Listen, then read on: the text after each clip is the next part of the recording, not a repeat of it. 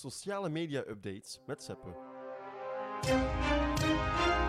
WhatsApp test nieuwe manier van reageren op berichten. Je kent het wel van Facebook Messenger of zelfs van Instagram. Reageren op een bericht met een emoji. Wel, het zou zomaar kunnen dat je zo'n emoji binnenkort ook zult kunnen gebruiken binnen WhatsApp. Bij Messenger en Twitter was het al lang zo dat je slechts uit een bepaalde selectie van emojis kon kiezen. Messenger verving die optie onlangs door het helemaal open te trekken naar alle emojis. En dat wil WhatsApp ook naar de eigen app brengen. En zo zal je ook via de zuster-app van Facebook en Instagram sneller kunnen reageren op een bepaald bericht. Wanneer deze update beschikbaar zal zijn, is nog niet bekend. Twitter trekt de betaalmuur open met superfollowers. Het is zover. Twitter heeft zijn betaalmuur officieel opengetrokken met de introductie van de superfollowers. Deze functie zal gebruikers de mogelijkheid geven om tweets slechts met een selecte groep te delen en daar zelfs geld mee te verdienen. Zo treedt Twitter in de voetsporen van een aantal andere sociale mediakanalen zoals bijvoorbeeld YouTube.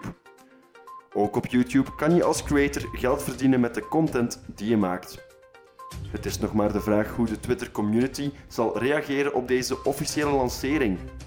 Wij houden het in de gaten. Twitter test automatische archivering en verbergen van likes. Nog meer nieuws vanuit Twitterland. Zo testen ze nog een aantal andere updates zoals automatische archivering en het verbergen van likes. Met het archiveren van tweets zouden ze automatisch verdwijnen van op jouw eigen Twitter-profiel. Maar als gebruiker zal je ook de mogelijkheid hebben om tweets op een vooraf ingepland moment te archiveren. Daarnaast testen ze ook de mogelijkheid om de likes te gaan verbergen. Vele gebruikers zien de likes als een manier van waardering, terwijl anderen het zien als een manier van markering van een tweet die je later wil lezen. Dat was verwarrend en daarom willen ze die functie nu heroverwegen door ze te verbergen. Wanneer deze functies officieel gelanceerd zullen worden, is nog niet bekend. Krijg fooi in Bitcoin op Twitter. Twitter is bezig aan een heruitvinding van zichzelf. Dat las je al in de vorige updates, maar ook het nieuws dat je binnenkort fooi kunt ontvangen via Bitcoin op Twitter slaat in als een bom. Daarmee is het de eerste app die in zee gaat met Bitcoin. Je zal via de Strike-app een profiel moeten maken om aanspraak te maken op zo'n. Wanneer deze update werkelijkheid zal worden, is nog niet bekend. Shoppen we binnenkort rechtstreeks op Twitter. Het is zo dat de app volop bezig is met het ontwikkelen van verschillende shoppingtools. In een screenshot van de vernieuwde menubalk is de nieuwe knop aankopen te zien. Die zal gekoppeld zijn aan de Super Follows optie maar ook aan de abonnementen en tickets die je koopt via de app. Daar zouden in de toekomst dan ook producten zoals kledij bij komen. Twitter test deze nieuwe tools al sinds juli. Hierdoor raken meer en meer details bekend over deze update. Wanneer deze tools wereldwijd beschikbaar zullen zijn, heeft Twitter nog niet vastgelegd. LinkedIn stopt eind september met stories. Tegen eind september zal je geen stories meer kunnen posten via LinkedIn.